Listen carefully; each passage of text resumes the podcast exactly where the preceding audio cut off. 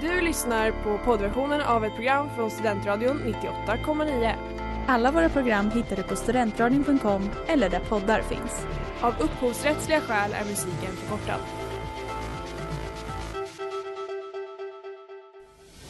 Det börjar bli dags att öppna upp Sverige. Any further acts of aggression would be met with massive consequences. Om jag åker tunnelbana i Tokyo, jag då japan? Så när jag hör Jimmie Åkesson här prata om klimatfrågan, då kommer jag att tänka på ett sånt här flaskskepp, vet.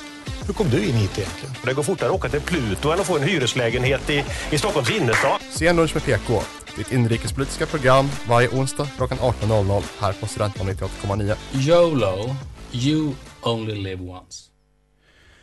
Halli hallå, vi är tillbaka, senlunch med PK här på Studentradion 98,9. I studion har vi idag mig Jakob, vi har Edvin Frejhus. Josefin. Och Freja. Ja, då var det jag som tog efternamnet där. Vi har ett eh, eh, program, det känns som att vi har liksom, nu har hamnat i två huvudämnen men det blir lite kul, se om vi klarar av att djupdyka lite. Men eh, som vanligt ska vi börja med veckans nyhet. Eh, Edvin, Ja, eh, min nyhet är att eh, svenska stridspiloter flyr flygvapnet. Eh, vi hade ju tidigare 30 stycken stridspiloter som hoppade av på grund av eh, dåliga lönevillkor hävdar de. Eh, och eh, nu i veckan så var det 20 stycken till så vi har tappat totalt ungefär 50 stycken. vilket låter ju som ingenting men jag antar att det är proportionerligt sett väldigt mycket. Ja, jag fick hitta det. Jag tror inte, eh, jag kunde inte hitta exakt hur mycket vi har men det, det, jag hittade lite källa på att vi har ungefär 96 stycken stridsflyg. Eh, nu vet jag inte om det är en pilot per plan men det är ju garanterat eh, inte så många. Vi har ju nog tappat en bra procentandel. Eh, så de ska nu försöka fixa lönevillkoren för de här. Eh, det är lite panik just nu tror jag i flygvapnet. All right. Jossan, Ja, precis. Det har kommit en hel del kritik mot psykiatrin. Att eh, patienter hamnar mellan stolarna och eh, ja, men det är primärvården och psykiatrin som skyller på varandra egentligen. Och eh, ja, patienter blir inte uppfångade i tid. det svensk förvaltning gör bäst, skylla på andra delar. Ja men eller hur. Exakt så är det. Ja och det verkar variera lite grann från region till region så mm. Hoppas det blir bättre. All right, Freja. Eh, ja, jag tänkte på mellanårsvalet i USA. Eh, och det verkar som, eller det blir så att Demokraterna håller kvar kontrollen över senaten. Men i representanthuset så verkar det som att Republikanerna kommer ta eh, majoritet. Eh, och det är egentligen vanligt att det partiet som liksom innehar presidentposten går bakåt i mellanårsvalen. Eh, så på så vis har Demokraterna gjort ett superbra Trots att de tappade eh, Exakt, trots ja, att de tappar representant. representanthuset. Ehm, och trots att det inte blev den här röda vågen som många republikaner hade förutspått så har Trump idag gått ut med att han kommer kandidera till presidentposten 2024.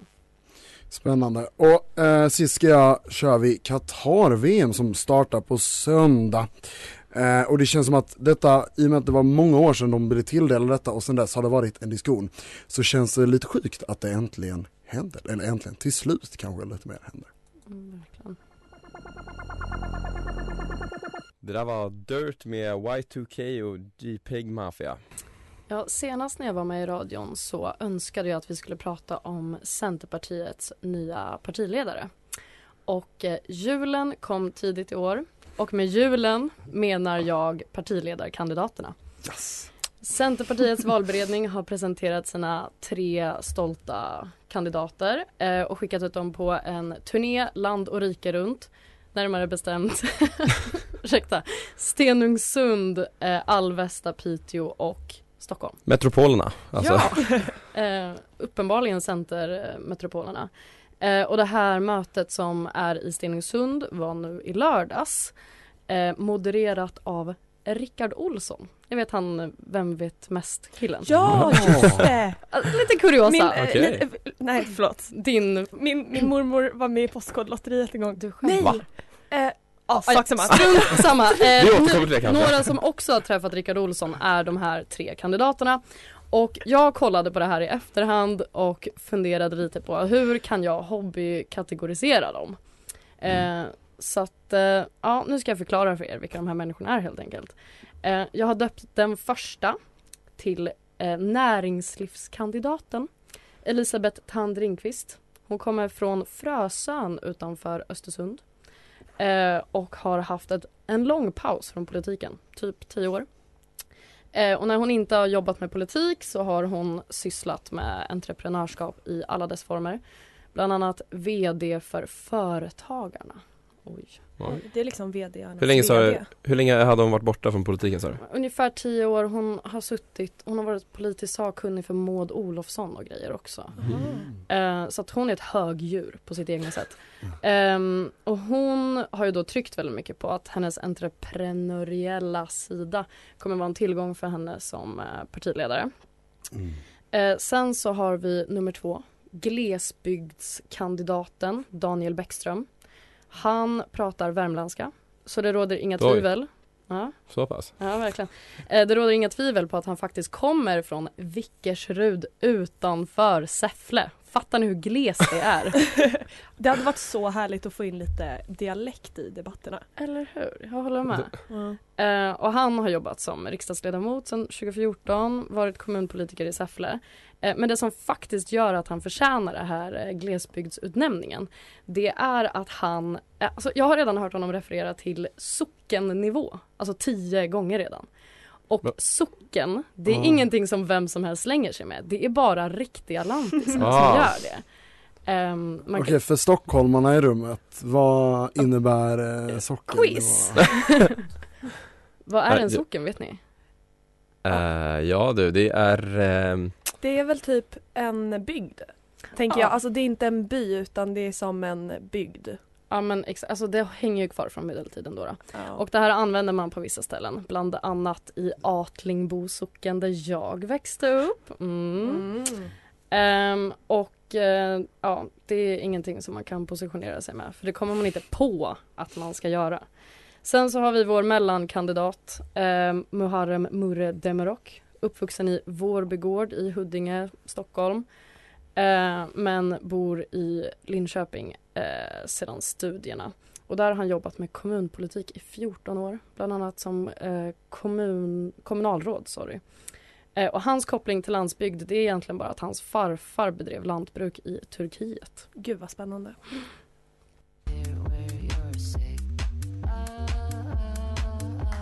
Det där var Sampocalypse med dödsdisco Starkt. Alright, nu var vi uppe i en diskussion om Centerpartiets eh, potentiella kandidater och då var det tre namn uppe. Ehm, och du kategoriserade dem så fint. Ehm, Precis, vi har näringslivskandidaten, glesbygdskandidaten och först kallade jag honom för mittenkandidaten den sista. Men sen tänkte jag att det kanske var lite för schysst. För de vill ju ändå vara mitten, Centern Ja, tänkte det jag. var snällt. Ja, då lät det liksom som att han var perfekt. Men, men men jag tänkte på det om det är liksom vilka grupper, om, om liksom näringslivs eh, så är det att eh, plocka liksom lite högerväljare, lite liberaler och glesbygd är att återta liksom glesbygdsrösterna. Är då mittenkandidaterna att plocka innerstadsmammorna som Magdalena snodde? För det var ju en av de stora förlust, eh, Centerpartiet nu som ändå backade rätt rejält i valet. Innerstadsmammorna. Innerstadsmammorna. Innerstadssocken, Mm. eller hur? Eh, Det är Vasaståndssocken. Tror det här är definitivt en felanvändning av den. Faktiskt om vi antar att innerstadsmammorna är PK och gillar eh, genusvetenskap så har jag faktiskt lite kuriosa om, tyvärr inte mittenkandidaten, men om glesbygdskandidaten. Alltså alla de här människorna, eller ja, näringslivskandidaten hon har ju såklart pluggat Handelshögskolan men de Givet. andra två, mm, de har pluggat statskunskap, polkand och kandidat. Ja. Eh, men, verkligen, kanske vi en dag, vem vet. Nej men eh, och den här glesbygdskillen han gjorde liksom ett litet nummer av att berätta att han hade pluggat statskunskap, ja genusvetenskap lite grann, så jämställdhetsfrågor. Ja, kanske ett Jag tycker det är alltid som, jag förstår inte var- varför det känns som att vi gång på gång nu, och speciellt efter regeringsförklaringen, får politiker som lite höftar med vad de har utbildats inom. Mm. Som vår Trendigt. kulturminister som påstår sig vara litteraturvetare utan att vara det. Och det känns lite imponerande att de konstant är, eh, att man kan ha så fel om någonting man själv har gjort. Eh, det var lite off topic kanske, men Nej men jag Men- älskar det och jag älskar faktiskt glesbygdskandidaten just för att han bor i Säffle och pratar värmländska. Det är ju svårt att komma runt det. Ja, men, men undrar om han har tänkt igenom det här, att han måste lämna socken om han blir, om han blir vald. Flytta in till storstad. hur är åldersfördelningen på dem? Har du? Ungefär lika Ja okej. Mm. Mm. För Och det- vilka, fanns det fler kandidater då? Som, Ja, eller är det här toppkandidaterna då? Det här är ju de som valberedningen har valt ut, alltså typ som de vill ha basically. Men det finns ju, man kan fortfarande kandidera utan att vara med i hela den här alltså, turnén. Eh, och då blir man ju med på listan sen när de röstar där andra eller tredje februari. Eh, då när Annie Lööf avgår då. Ja för att, ja nu, nu ska jag verkligen, nu är jag lite ute på tunn is men för Emma Wiesner med, eh, som är, sitter i Europaparlamentet för Centerpartiet Mm. vet jag ju kandiderade, jag vet inte om hon är kvar. Ja, det var två som de hade intervjuat i någon artikel jag läste. Den ena typ drog tillbaka sin kandidatur nu när hon inte fick vara med i hela turnén. Ehm, men jag lovar, kan inte lova om det var hon eh, som gjorde det. För den andra, hon sa att ja, men mig kan man fortfarande rösta på i februari. Men vilka är det som har valt, alltså vilka är det som har bestämt att de här tre ska åka ut på turné? Är det partiet då eller har de någon valberedning? Ja, valberedning har Ja. de. Ehm, och eh, jag tror uh, mittenkandidaten har också suttit i Centerns partistyrelse så det är ju inte de som har sagt eh, har utsett den utan de har ju haft en valberedning. Ja, Ja, spännande, denna följetongen får vi nog höra mer om när vi kommer längre fram in i vår.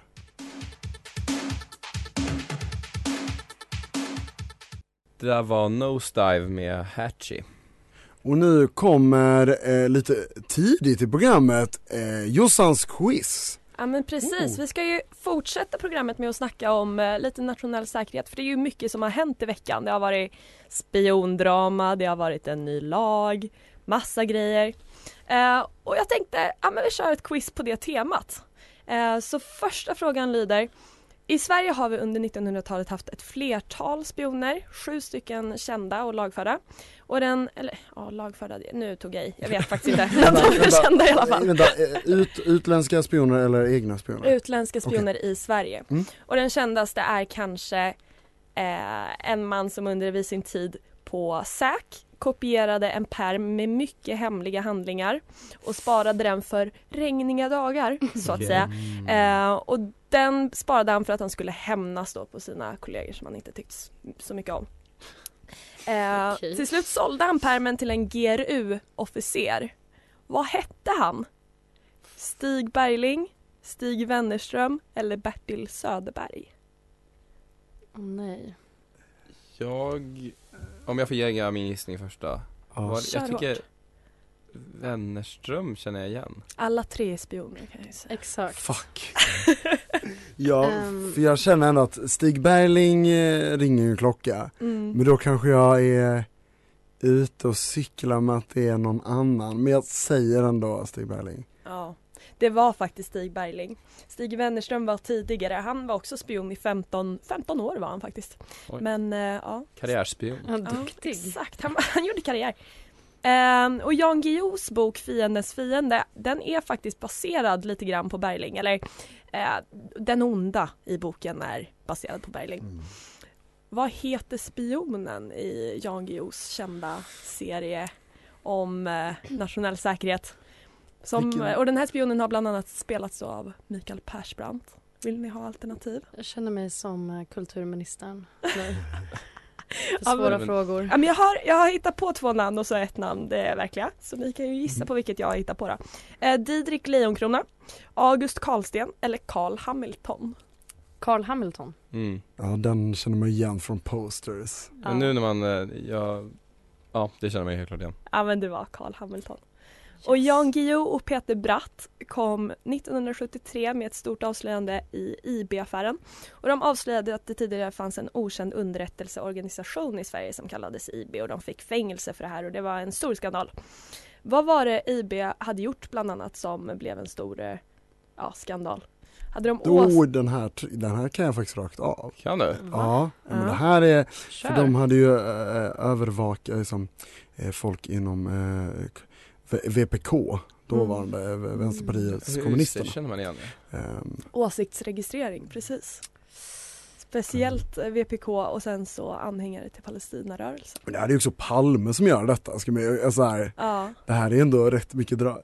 Det är verkligen ett annat Sverige när liksom det är sossarna och eh, VPK som är liksom de två sidorna. Ja. Ja, verkligen. Ja, det är ett annat Sverige, det får man ändå säga. Ja, precis, men det var åsiktsregistrering. Uh, ja, men hinner vi till med lite Ja, det tycker till jag vi kör. innan låten? Mm. Ja, och det här är lite på samma tema, inte riktigt, men vi är ju på väg in i NATO.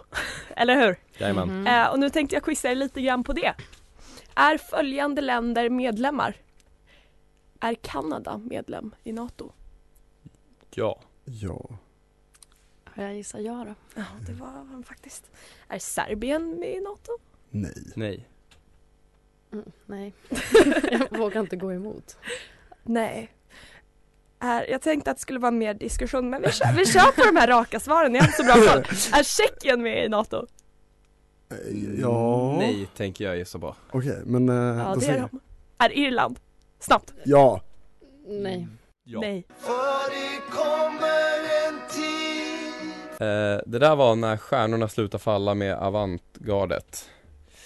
Eh, ja, och vi tackar Jossan så mycket för hennes quiz. Det var det lilla. Eh, men vi ska fortsätta på temat med nationell säkerhet. Eh, det var ju inte så länge sedan som vi fick en ny roll i administrationen. Vi fick en säkerhetsrådgivare vid namn av Henrik Landerholm. Eh, och vi kan börja med lite bakgrunden till det här. Eh, vi har ju snott det här av eh, många andra nationer har ju nationella säkerhetsrådgivare. Och eh, framförallt USA är kanske det mest eh, som man har hört tidigare. Eh, och hans jobb kommer att vara eh, att skapa ett säkerhetsråd som sen ska, ja, som enligt namnet eh, ger råd i säkerhetsfrågor till framförallt eh, statsministern och regeringen. Ehm, men jag tänkte berätta lite om hans bakgrund helt enkelt. Han har ju, han har ju både en civil och militär bakgrund. Han har varit yrkesofficer, eh, riksdagsledamot för Moderaterna, en politisk bakgrund också. Rektor för Försvarshögskolan eh, och sen har han varit eh, framförallt eh, ambassadör från 2013 till 2021. Eh, och tidigare år fick han ett jobb som generaldirektör för den nya myndigheten också, psykologiskt eh, försvar. Tills han blev det här. Eh, Vilket högdjur. Ja, verkligen. Eh, kvalificerad åtminstone. Ehm, men jag tycker att det, det, är ganska, det börjar bli ganska påtagligt med att om, eh, vi pratade om det lite innan, att Sverige liksom rustar upp, att man märker det att vi får en ny eh, myndighet och liksom en, eh, nya funktioner inom liksom hela administrationen av Sverige. Tycker ni att det är påtagligt med, med liksom upprustandet på det sättet? Jo men verk, vi har gjort alltså, liksom en enorm U-sväng, alltså i liksom hela vårt, eh, vi har verkligen helt ställt om hur vi strukturerar- upp vårt eh, land. Men hur, hur mycket, har du koll på hur mycket politiskt aktiv? Han har varit riksdagsledamot. Eh, ja, det var det att han var med 91 och 2002 eh, var han riksdagsledamot. länge. Ja. Mm. Men det här är ingen politiskt tillsatt tjänst utan det är, han är tjänsteman. Eller? Det är en eh, bra fråga. Jag har inte koll på det. Nej. Men- eh, hur liksom tjänsten Men han utser sina andra råd alltså? Eh, Ja, det är, det är hans första hand att han ska skapa ett säkerhetsråd. Det är hans första Mm. arbetsuppgift. Och sen ska Mm. de ge råd helt enkelt. Men jag tycker personligen tycker jag att det verkar vara en ganska bra idé. Alltså jag tycker aldrig det låter fel med en rådgivare egentligen till någonting. Nej, alltså Eh. allra helst nu när vår liksom debatt har gått åt andra hållet. Det har ju varit lite, eller stor kritik liksom från folk som kanske inte har varit superhaj på det här med NATO har ju varit just att det har känts lite godtyckligt kanske. Mm, Eh, och då, vad passar då bättre än någon som faktiskt eh, jobbar med det på heltid? Ja, jag bara tycker det känns lite så här, eller så här, har vi saknat? Alltså sånt här är ju liksom, det låter ju bra på pappret men har vi sa, alltså här, jag har svårt att tro att det inte har funnits, vi har ändå ett försvarsdepartement, att det inte har funnits rådgivare. Nej. Eller så liksom, har det funnits, alltså ett tomrum? Jag vet inte, jag, jag tänker mig någonting angående det här med eh, stridspiloter, strejken kan man väl kalla den också, att det kanske inte är, eh, om man tänker mellan liksom försvarsmakten och politiken, så kanske det finns ett glapp i så fall. Men Eh, jag- jag vet inte riktigt. Men vad är det liksom det här rådet ska, ska, ska de liksom koordinera eh, kring om det skulle bli eller vad? Nej det, är- det, är ju, det är ju Försvarsmaktens uppgift och sånt, Ja. utan det, de ska vara, varje gång det kommer en eh, säkerhetsfråga liksom, som till exempel NATO-processen vore ett bra exempel, eller eh, jag vet inte vad som annars är exempel, typ eh, exporter till Ukraina angående militärt stöd och sånt, att de ska rådge regeringen. Typ som lagrådet då, fast för försvarsfrågor. Jag har dålig koll på lagrådet men jag antar Men, det. ja men för jag måste säga det att eh, det har ju varit en del eh, folk från Försvarshögskolan och eh, Utrikespolitiska institutet som ändå har kritiserat lite att vi visste väldigt lite. De har ju förutspått Rysslands eh, krig då väldigt länge men det verkar inte ha funnits något, någon vetskap om det. Mm. Det där var La Money med Loose och And the Yakuza. Eh, ja, kopplat eh, till det vi pratade om innan då med eh, nationella säkerhetsrådgivaren så är det ju inte bara det som är eh, nytt om man tänker i nationell säkerhetspolitik. Eh, vi idag klubbade igenom en grundlagsändring eh, som kanske har gått förbi lite obemärkt. Eh, men eh, det är en ändring i tryckfrihetsförordningen och yttrandefriheten tror jag. Jag vet Mm. inte riktigt. Jag tror det är de två som berörs. Eh, för att det ska vara enklare att kunna dömas för utlandsspioneri som jag har förstått det. Och eh, det är gjort för att det ska bli straffbart att lämna uppgifter som kan störa Sveriges förhållanden till andra stater och organisationer. Ganska bred definition där tycker jag. Ja, Eh. den låter spontant inte liksom när de ut- formulerar sig om att så här, eh, så här hota förhållanden, man bara till olika eh, så här, EU, NATO och FN men det känns så här, ja att journalister inte ska få publicera om det låter inte spontant. Nej. Nej, de, alltså, det har ju journalistkåren blivit helt galen över Ja. såklart. Eller alltså med många därtill liksom. Mm. Eh, men jag hörde det, nu har man ju, först hade man lite problem med att få folk som var för det här att uttala sig. Förmodligen för att de också är lite förvirrade va? Mm. Om vad det här Mm. egentligen innebär. Men nu har jag förstått det som att man säger att det ska ju krä- krävas ett visst typ av eh, uppsåt ändå. Att det är inte bara att eh, publicera vad som helst utan det ska men det säger ju då de som var kritiska från början att men, ja, det där låter fortfarande godtyckligt. Men det är väl också så att meddelarfriheten berörs som jag har förstått det. Precis. Och det kan ju påverka liksom att man, ja men visselblåsare tänker jag. Mm. Mm. Nej, men för det, det stod att de lämnade en ventil som de kallar det för journalister. Mm. Eh, men att det var bara i förarbeten och att det utelämnades ur lagen. Okej. Eh, och som jag förstod så var det, alltså det är ju så här Även om det finns förarbetena så kanske det kan eh, liksom spåra ur på något sätt om det inte står med i lagen. Ja, men det känns ändå som att det, det, det, det är mycket som flyger fram och tillbaka. Konstitutionsutskottet eh, stöttade ändå förslaget i att så här, så det känner ju ändå, vi visar ju någon typ av bas för det. Samtidigt eh, så var det, ska vi se här namnet, eh, Nils Funke, tryckfrihetsexperten, som menar att eh, liksom, det inte finns faktiskt någon riktigt skäl för den här lagändringen, något riktigt syfte eller behov för det. Vilket Mm. alltid är eh, lite oroväckande när det känns, men kanske inte helt oväntat vid en ny regering att det blir lite symboliska förslag. Men Eh. å andra sidan, alltså det här är ju sedan i april. Det, det var någon som skrev, mm, med förbehåll för att det kanske inte helt stämmer, men att det var Morgan Johansson som hade lagt den här eh, propositionen. Alltså Ja. att det är ju inte någonting nytt. Det har ju ändå varit ett val här emellan. Ja det är det som känns, det är det jag tycker Just egentligen är, är läskigt i det Mm. hela, att det känns som, när, man, när jag har hört om hur man ändrar grundlagar och sånt Att det känns som att det skulle bli en valfråga och att det ska vara väldigt Mm. tydligt men så här, det har verkligen glidit förbi känns som Verkligen. Och det är liksom så man har lärt sig om grundlags, oj, grundlagsändringar. Att, att vi har den här stora stora skyddet Mm. med ett val emellan. Men nu märkte ingen. liksom. Ingen märkte, man fick reda på det förra veckan Ja. typ. Verkligen, för jag har alltid haft så svårt att acceptera det här att folk säger att vi har ett så svagt grundlagsskydd. Men ja, som ni säger, nu får man verkligen tugga i sig. Ja. Men det, verkar inte, men det finns inget, liksom, eftersom, men eftersom det inte finns något motstånd Konstitutionsutskottet gör inget motstånd och majoriteten av partierna är samstämmiga Ja, nej men det, det, det känns också, för det var ju en diskussion nu med NATO-inträdet här, att man skulle behöva ett val emellan för att den borde behandlas som en eh, likt en eh, grundlagsändring. Mm. Men där eh, visar ju detta kanske att det inte hade hjälpt.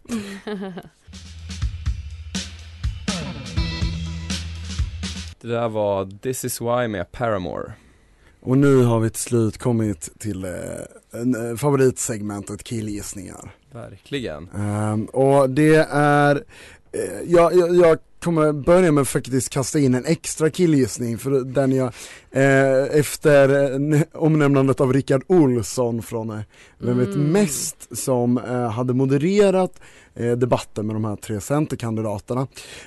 Att Ja, det var bara så, se verkligen honom som den nya eh, moderatorn för TV4 Debatt, eh, eller SVT Debatt och hur han ska göra eh, svensk politik lite mer skön. Eh, Och så- en egen karriärstege va? Ja, men det här, jag ser det här framför mig, så det är min eh, första killgissning. Sen så hade jag egentligen tänkt fortsätta med min eh, nyhet om Qatar-VM och att det känns som att det här har då pratats om i så himla många år för att nu då ske mitt i julen när ingen kommer ihåg att det är ett VM. Och min killgissning är att så fort, för det är mycket å att det är alla hemskheter och mänskliga rätt som kränks, eh, men att så fort det är över så kommer vi glömma bort VM i Qatar för evigt. Mm. Likt de flesta mänskliga eh, rättighetsöverträdelserna, likt Eurovision i Azerbaijan som ingen har någonsin kommit ihåg sen det hände. Vi kommer förtrycka de här minnena Ja. menar du? Det blir jag så bra. Jag gör det redan. Jag med. Visste inte att det skulle vara. Eh, min, min killgissning är att om cirkus fem år så finns det inga A-traktorer längre. Okej Okej. Eh, Wow, Har du- bold. Nej, men jag, tror, jag tror att de kommer förbjudas. Det känns, som en, det känns som en grej som inte borde finnas från första början. Liksom. Efter lastbilen, då är det nog. Ja men lite så. Då väcktes min, eh, min inte, ja men då väcktes min spaning. Men tror du e- elsparkcyklarna överlever de A-traktorerna? Oj den är, den är svår. För där känns han som eh, den ultimate battle. Nej, kanske inte. Inga elsparkcyklar för lantisarna helt enkelt. All right. Nej. Mm, Okej. Freja? Jag, jag tror, på tal om lantisar, så tror jag att Centern eh, kommer ta en högersväng nu med sin nya partiledare. Det kommer dröja ett litet tag, men jag tror det. Men tror du, är det baserat på vem du tror av de här kandidaterna kommer bli vald eller oavsett kandidat? Alltså, oavsett egentligen. Eh, inte baserat på vad någon har sagt. Kommer alliansen tillbaka? Mm, var det inte din killgissning Jakob. ehm, nej, jag tror att eh, högern kommer ha svårt att acceptera att Centern kommer tillbaka för de behöver dem inte. Mm.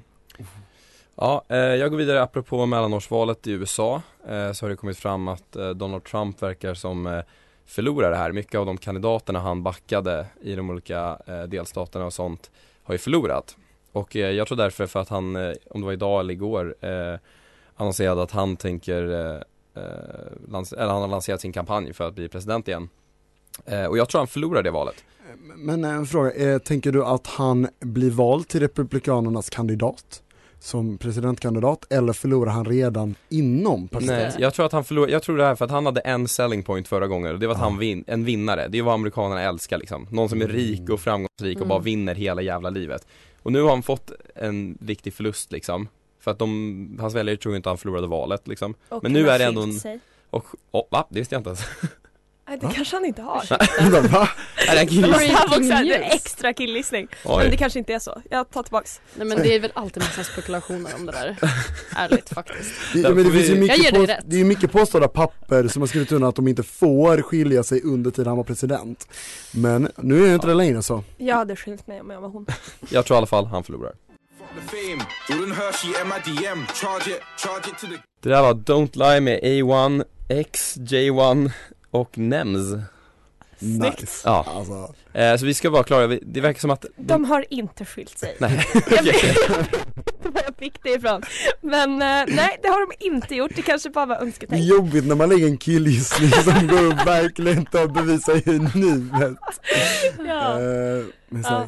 Nej, jag tar tillbaks det.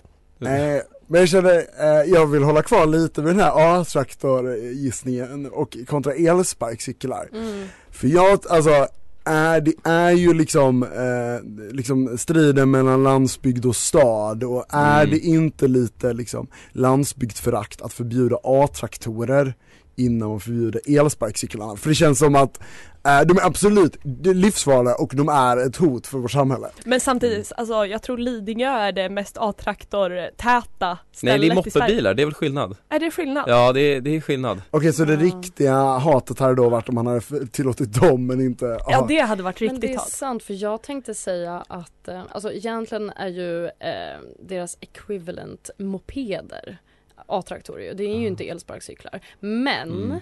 det är ju kul, kuligare att säga så. Men det jag tänkte säga var att ja men tänk på alla lantisar som ska köra flera mil. Eh, Att det, är så, att det är så kallt om man inte sitter inne i en bil. Men då hade jag ju liksom glömt bort att moppebil finns. Så det. Just sög ju lite. Men också vi, alltså, köra flera mil i någonting som bara går 30. Fattar du hur trist? Ja, Tydligen inte, eller hur? Det är ju liksom, eh, det är ju väldigt uppskattat Ja. Gud Men okej de här, är- Lidingö, är det faktiskt alltså att de kör? Nu kanske jag slängde mig med en till killgissning. Och nu Den här, alltså, Lidingö är ju inte landet. De kan ju faktiskt åka kollektivt. ja men det är ju det jag säger att det är liksom, vill ni förknippa er med Jag tycker det är de som snor av landsbygdens ja, Plats. Ja, jag kan ju säga i alla fall att eh, min pappa jobbar i eh, Motala och eh, företaget där han jobbar, det, deras största eh, aktuellaste problem det är att eh, deras gräsmatta blir uppkörd varenda natt av, eh, av. Gräsmatta. Och det har varit eh, mycket liksom styrelsemöten och sånt för att vi ta tur med det här problemet. Men det är ju svårt att stoppa eh, några från att göra det här. Så jag tycker bara bort med allihopa. Vilken jävla ton. Du har lyssnat på poddversion av ett program från Studentradion 98,9. Alla våra program hittar du på studentradion.com eller där poddar finns. Och kom ihåg, att lyssna fritt är stort, att lyssna rätt är större.